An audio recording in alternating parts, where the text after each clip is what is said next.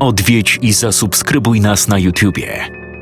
Bądź na bieżąco z nowymi filmami i słuchaj jeszcze więcej mrocznych historii. Mystery TV Więcej niż strach.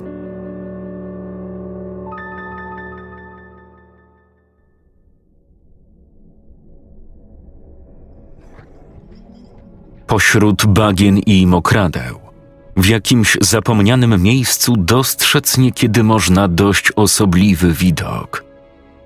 Mówią, że lepiej w ogóle nie zapuszczać się w takie miejsca.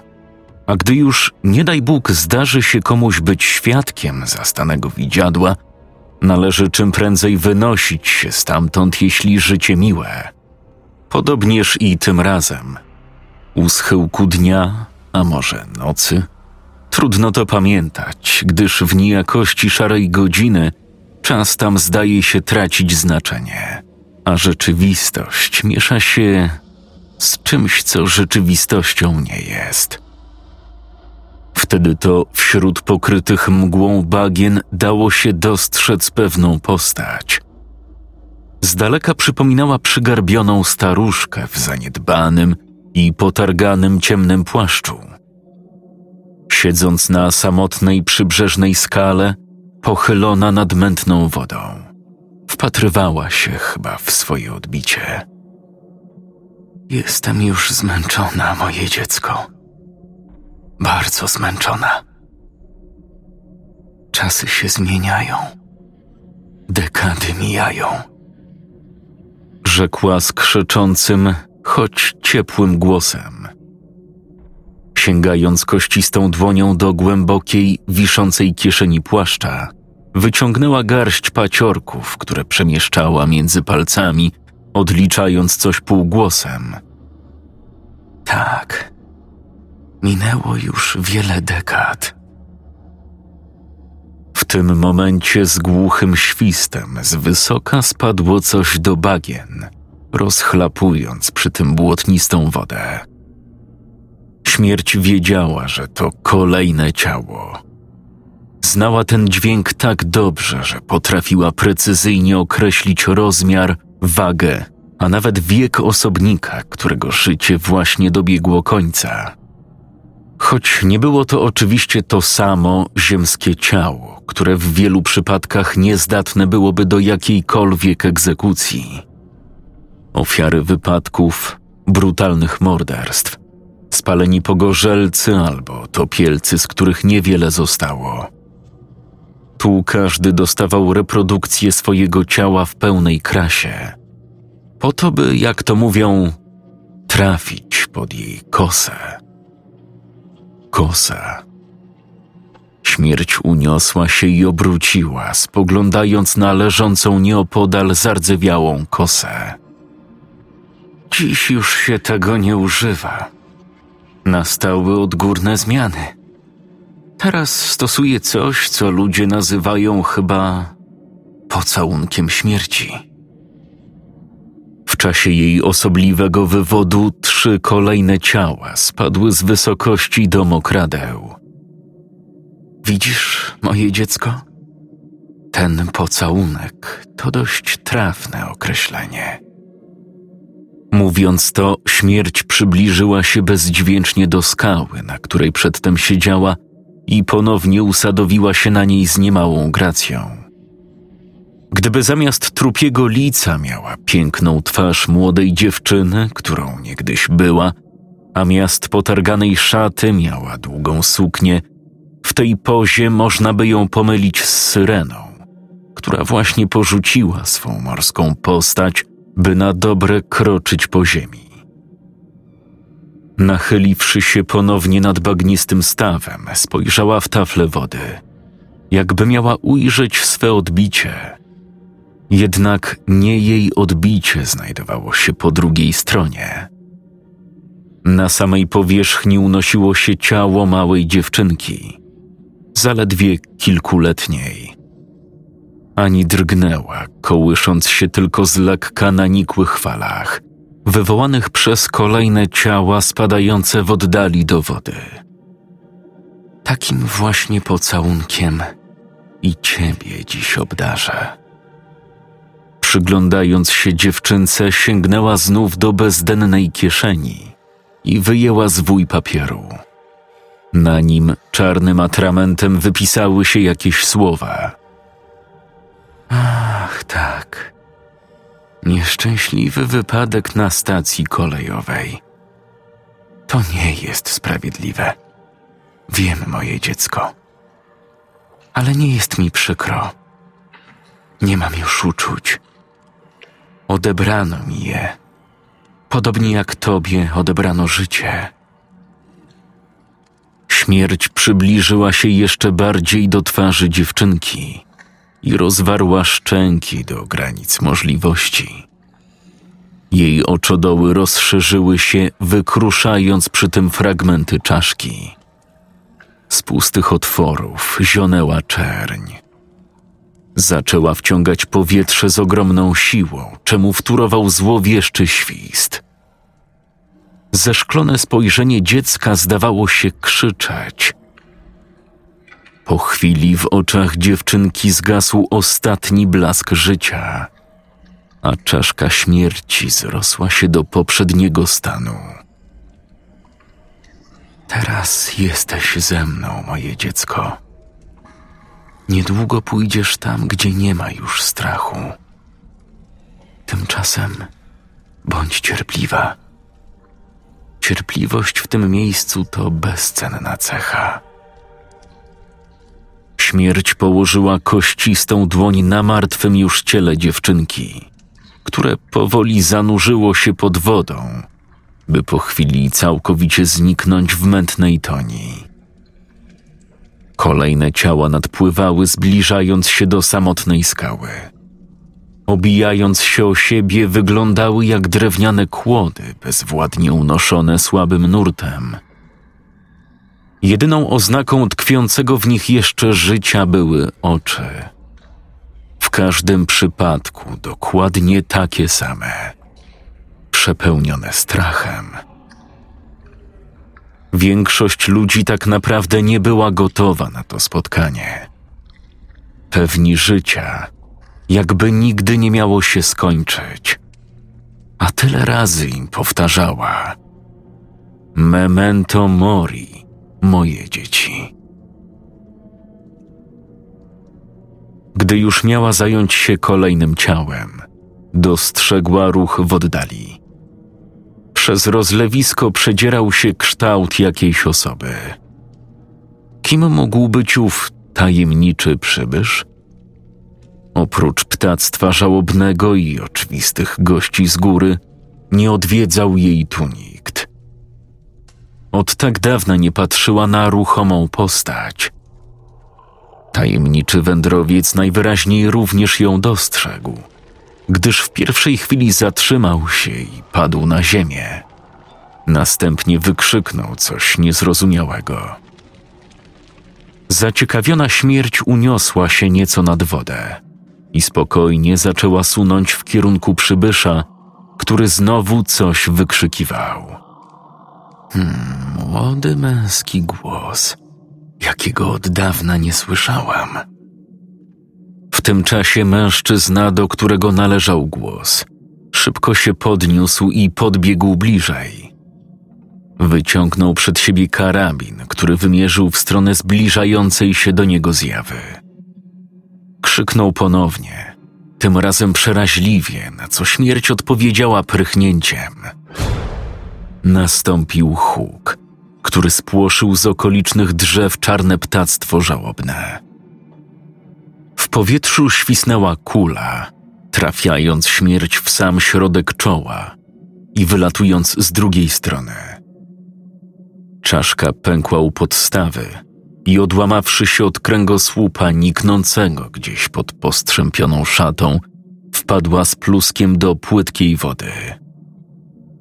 Młody mężczyzna stał nieruchomo, z bronią wciąż skierowaną w stronę bezgłowego, lewitującego nad wodą dziwadła. Coś, co z braku lepszego określenia można by nazwać ciałem śmierci, powoli, niczym liść, opadło na wodę. Zanurzając w niej grabiaste dłonie, wyłowiło swój własny czerep. Gdy para chudych i pokrzywionych rąk dopasowała go na powrót u swego karku, wszystkie pęknięcia i uszkodzenia kości natychmiast się zrosły i odbudowały. Żołnierz, odzyskawszy trzeźwość myślenia, rzucił się do panicznej ucieczki. Śmierć była jednak szybsza. Szybując nad wodą, osiągnęła przeciwny brzeg i dopadła go na samym wrzosowisku, na które nieświadomy zagrożenia wkroczył. Pochwyciła go za twarz i szyję, a następnie, pomimo swej wątłej budowy, z łatwością go powaliła i zaczęła przeciągać w stronę bajora pełnego ciał, które właśnie zostało uzupełnione o kilka kolejnych. Mężczyzna krzyczał i miotał się, próbując się oswobodzić. Na śmierci nie wywarło to żadnego wrażenia. Znowu sięgnęła do kieszeni w swej szacie i wyjęła garść brunatnej ziemi, którą następnie rozsypała nad twarzą mężczyzny. Ten momentalnie znieruchomiał i zapadł jakby w letarg. Bez wysiłku przewiesiła go sobie przez długie ramiona i poniosła nad wodą w stronę swej skały, gdzie opierając go o drzewo ułożyła na błotnistym nabrzeżu. Minęło trochę czasu, zanim żołnierz się ocknął i otępiałym wzrokiem omiótł najbliższą przestrzeń. Otoczenie nigdy się tu nie zmieniało. Zamglony świt lub zmierzch dnia z wiecznie panującą tą samą, ponurą atmosferą. Pierwsze co ujrzał to stado czarnych ptaków, wpatrujących się w niego z porządliwym zaciekawieniem. Wyglądały przy tym niczym komisja wnikliwych sędziów, mających ocenić jego zdatność do przesłuchania. Próbował się poruszyć, ale bezskutecznie. Wtedy wróciła mu świadomość i przypomniał sobie ostatnie chwile przed zapadnięciem w sen. Krzyknął przeraźliwie, zdając sobie sprawę, że jego ciało najprawdopodobniej jest sparaliżowane. Jego krzyk przykuł uwagę śmierci, która w tym czasie obdarzała swym upiornym pocałunkiem kolejną ofiarę. Gdy ciało nieszczęśnika pogrążyło się już w wodnej otchłani, uniosła się w powietrzu i podleciała do swojego nieplanowanego gościa. Pozostając poza polem jego widzenia, przemówiła spokojnym głosem. Nikt nie przychodzi do mnie w taki sposób, w jaki ty się tu zjawiłeś. Kim jesteś? Gdy nie odpowiadał, znagła stanęła przed nim w pozie pełnej grozy. Z jej pustych oczodołów wyzierała żałobna czerń, a rozwarte szczęki wyglądały jak brama koszmarnej czeluści. Żołnierz wrzasnął ze strachu i próbował wyrwać się niewidzialnym sidłom, które krępowały jego ciało. Lecz nic przy tym nie wskórał. Nie zabijaj mnie. Chcę się poddać. Jestem sam i nie mam broni. Śmierć przez chwilę milczała, po czym rzekła: Mój drogi, prędzej czy później każdy mi się poddaje. A zabijać cię nie muszę, skoro już tu jesteś. Choć ta kwestia wymaga wyjaśnienia. Kim jesteś? Głos śmierci zdawał się być wręcz uprzejmy, niczym u poczciwej babci goszczącej swego wnuka na niedzielnym obiedzie. Do wystraszonego żołnierza nie docierał jednak sens jej słów, a jedyne o czym w tej chwili myślał to przetrwanie, ucieczka lub błaganie o litość. Proszę, oszczędź mnie, nie chcę umierać. Śmierć jakby się zniecierpliwiła gwałtownie rozprostowując kości, które w kilku miejscach pękły z suchym trzaskiem, zaczęła się rozrastać i z potężnym tchnieniem wydarła z siebie nieludzkim głosem. Odpowiadaj do mnie, marności śmiertelna. Powstały przy tym wicher był tak silny, że druga część siedzącego w pobliżu stada czarnych ptaków została strącona z licznych gałęzi. Lądując gdzie się dało, ponownie wlepiły swe spojrzenia w nietypową dla tego miejsca postać przybysza. Żołnierz momentalnie stracił wszelkie odczucia, jakby zostały wypchnięte z jego głowy, by następnie odnowić się bez zbędnej paniki. Otrzeźwiał i odpowiedział: Jestem Janek. To znaczy Jan.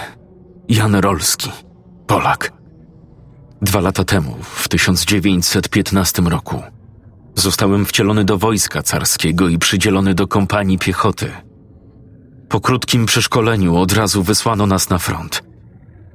Śmierć zdążyła już na powrót przybrać swoją starczą, sfatygowaną postać i znowu dość ciepłym głosem spytała: Powiedz, mój drogi, jak się tu znalazłeś? Ja nie wiem. Byliśmy na froncie. Mój oddział walczył z Austriakami pod Husiatynem, gdzie forsowaliśmy rzekę Zbrucz. Wczesnym rankiem nasze pozycje zostały ostrzelane przez artylerię. Pociski spadały jak grad z nieba. Kilku naszych rozerwało na strzępy, a wielu odniosło ciężkie rany. Potem pojawiła się ta nagła, dziwna mgła. Ktoś zaczął krzyczeć, że to gaz i wszyscy uciekali w popłochu. Zapanował chaos. Nic nie było widać.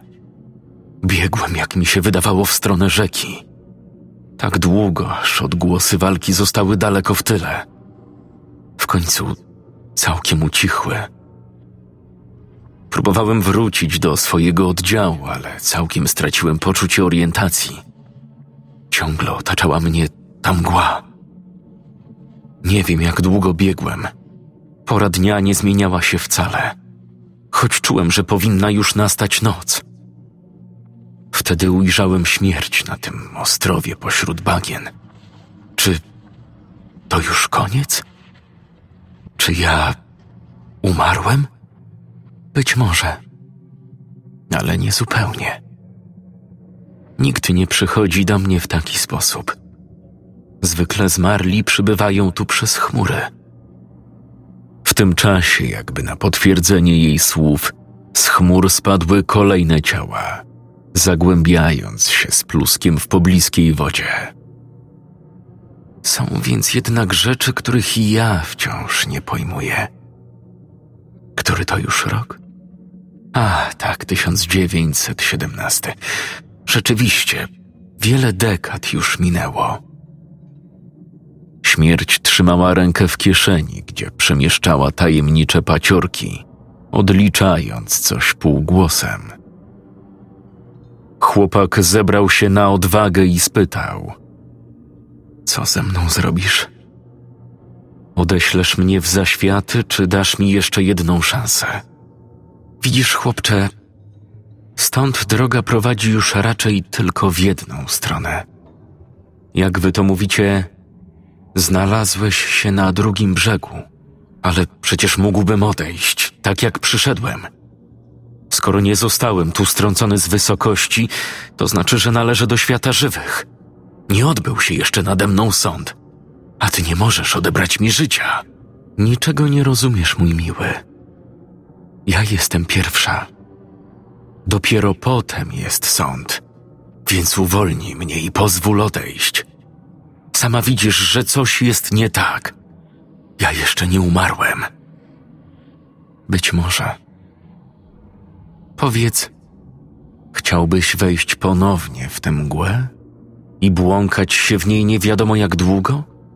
Chcę odnaleźć wyjście z tego koszmaru i wrócić do rodzinnej wsi, do mojej ukochanej Kasieńki. Nie zdążyliśmy się jeszcze pobrać. Głos młodego żołnierza załamał się, lecz on szybko odchrząknął, by nie okazać słabości. Nie chciałem tego. Teraz na ziemi jest piekło.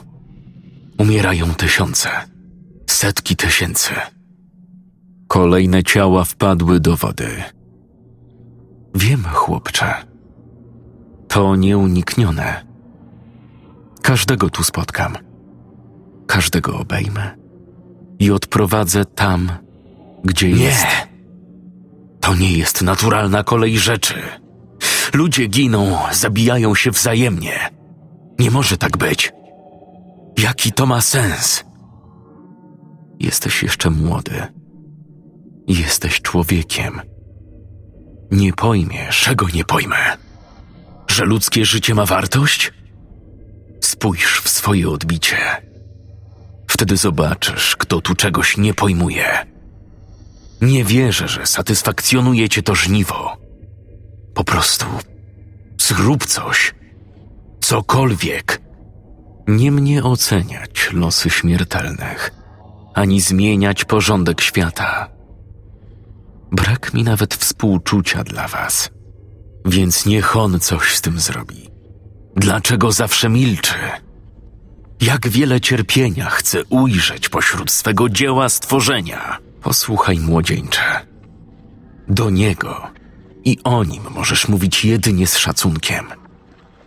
Gdybyś nie był tylko głupim i próżnym człowiekiem, może przeszłoby ci przez myśl, że wolna wola, którą on wam ofiarował, a którą przeznaczacie na wasze grzechy, popełniając najobrzydliwsze zbrodnie, to największy dar. Dar, jakiego ani mnie, ani wielu wyższym ode mnie nie udzielono. Chłopak zapatrzył się na moment w niebo, odziane szarymi zwałami gęstych chmur. Chciał coś jeszcze powiedzieć, lecz powstrzymał oddech niosący słowa, które ugrzęzły mu w gardle. Śmierć uniosła się, jakby chciała przez to oświadczyć, że pomimo interesującej rozmowy, pora wrócić już do swoich codziennych obowiązków. Wtórowały temu pluski kolejnych ciał rzuconych z wysoka. Co ze mną teraz będzie? Już mówiłam. Znam tylko jedną drogę stąd i prowadzi przez moje oblicze. Śmierć zbliżyła się do chłopaka i nachyliła nad jego twarzą. Coś, co było chyba kością twarzoczaszki, pękło jej w kilku miejscach, a oczodoły rozwarły się szeroko. Janek poczuł, jak silny ciąg powietrza zaczyna wysysać go z jego własnego ciała. Głęboko w spojrzeniu śmierci ujrzał coś, czego nie spodziewał się tam zobaczyć. W nieprzeniknionej czernią przestrzeni, wśród innych bezkształtnych postaci, kuliła się mała, może kilkuletnia dziewczynka. Uniosła swą zrozpaczoną twarzyczkę, by spojrzeć na niego. Oczy miała napuchnięte od łez. Ostatkiem woli, gdy już prawie nie czuł swojego ciała, chłopak zawołał. Zaczekaj. Mam prawo. Jego głos osłabł, lecz śmierć zaciekawiona rzeczywiście wstrzymała się na moment. Janek odkaszlnął, ocknąwszy się z kilkusekundowego niebytu. Łapiąc oddech, dokończył. Mam prawo odejść tak jak inni. W spokoju tych wód. Nie jak skazaniec, bez godności, spętany twoją mocą. Śmierć nie była zdziwiona, lecz najwyraźniej nie spodziewała się, że to może mieć znaczenie dla kogoś, kto już i tak znalazł się w tym miejscu. Ponieważ jednak uzasadnienie młodzieńca było słuszne, sięgnęła do kieszeni i wyjęła garść jasnego prochu, a następnie, dmuchając, rozpyliła go nad twarzą chłopaka. Niewidoczne pęta puściły, a on poczuł przypływ sił i znów mógł poruszać swobodnie kończynami. W wodzie jest dość tłoczno, ale miejsca starczy dla każdego. Janek podniósł się powoli na równe nogi i z grymasem bólu rozprostował kości. Rozejrzał się wokół, by wybrać najdogodniejsze miejsce do ostatniego spoczynku. Zwrócił uwagę na ziemię wzdłuż brzegu. a także na tę, która rozpościerała się na dalekim horyzoncie poza wrzosowiskiem. Naszła go pewna szalona myśl, której nie mógł być pewny. Stwierdził, że i tak nie ma nic do stracenia. Śmierci. Myślę, że przypadkiem poznałem twój sekret, który starasz się ukryć przed samą sobą. Nie jesteś dość rozumny, człowieku, aby. W tym momencie chłopak, zebrawszy wszystkie siły, z impetem uderzył śmierć w czerep kamieniem podniesionym z ziemi. Jej czaszka po raz drugi podczas tego spotkania oddzieliła się od reszty, by sturlać się do wody. Janek błyskawicznie rzucił się do ucieczki.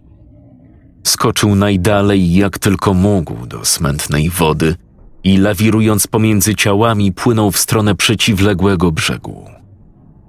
Chwycił się zapuszczonych traw, wciągnął na ląd i pobiegł tam, gdzie wrzosowisko najbliżej tonęło we mgle.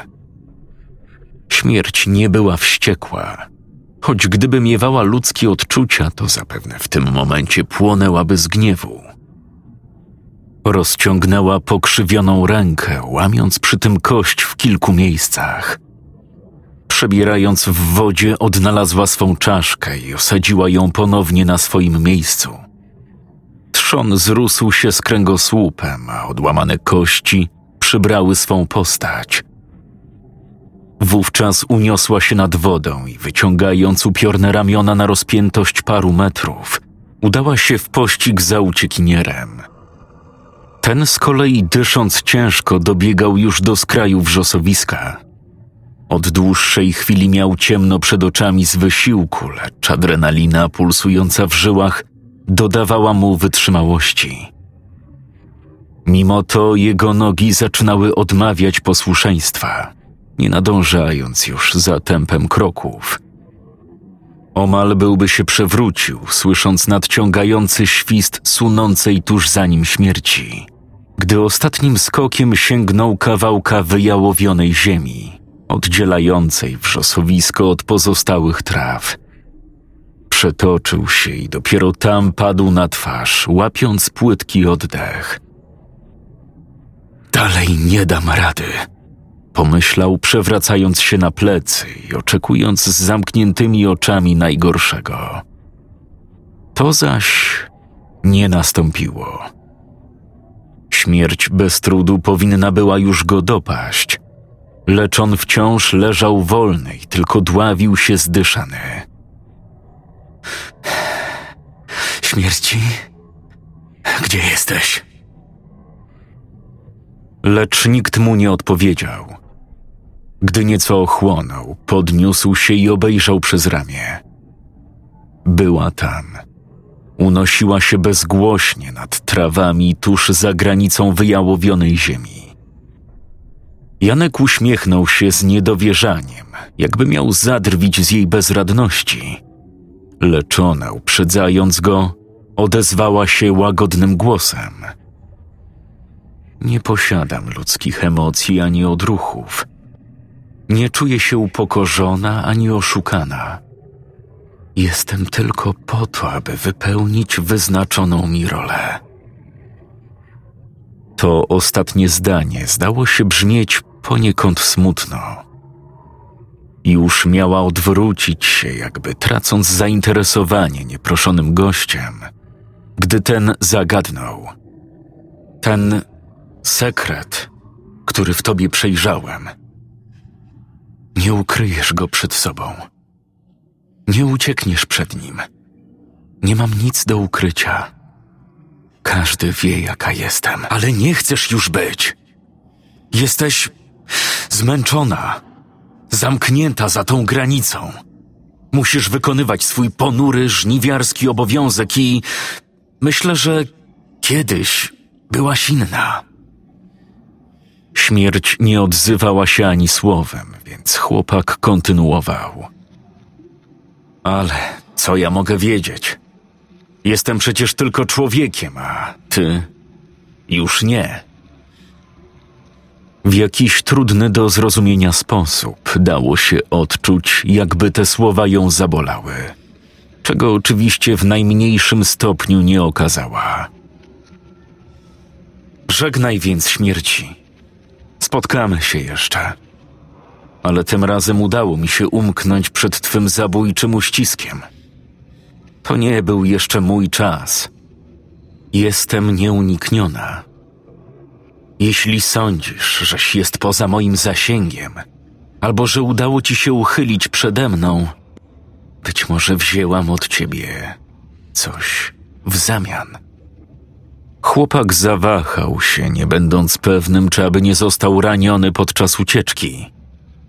Upewniwszy się, że jest cały, spojrzał w stronę nieprzeniknionej mgły i rzekł: Będę szedł tak długo, aż wyjdę z tej mrocznej krainy i odnajdę drogę do domu. Lecz śmierć już nie słuchała. Szybowała spokojnie w stronę swojego osobliwego stawu, do którego wpadło właśnie kolejne ciało. Chyba kobiece, lecz z tej odległości nie dało się tego dostrzec. Janek wzdrygnął się i szybkim krokiem ruszył w przeciwnym kierunku. Widzisz, moje dziecko, jestem zmęczona i chyba chcę już odejść. Ale śmierć nie może umrzeć. Ktoś zawsze musi przyjmować kolejnych wędrowców, których ziemska podróż dobiegła końca. Byłaś taka młoda. Nie zdążyłaś nic pożyć. To nie będzie życie, jakiego byś pragnęła. Ale i mnie nikt nie spytał o zdanie. Niech ten dar będzie ci lekkim, jako ziemia tym, których chowają. Po tych słowach śmierć w podeszłym wieku rozwarła oczy w czaszce i tchnęła z nich na tafle wody. Z dna wyłoniło się idealnie zachowane ciało małej dziewczynki. Wyglądało tak, jakby ledwie na chwilę zdrzemnęło się na dnie. Dziecko ocknęło się i oparło na brzeże zdezorientowane. Do dziewczynki dotarł jeszcze łagodny głos oddalającej się postaci. Wszystkiego się nauczysz. Nie bój się i bądź cierpliwa bardzo cierpliwa. Była śmierć przekroczyła granicę jałowej ziemi. Na moment z za chmur wyłoniły się blade promienie słońca, które padły na stare kończyny i czaszkę, spopielając je łagodnie. Janek Rolski jeszcze przez długie tygodnie błąkał się po bezdrożach na wyludnionej przez wojnę ziemi z czasem spotkał innych maruderów, takich jak on. Dowiedział się, że wojna już prawie się skończyła.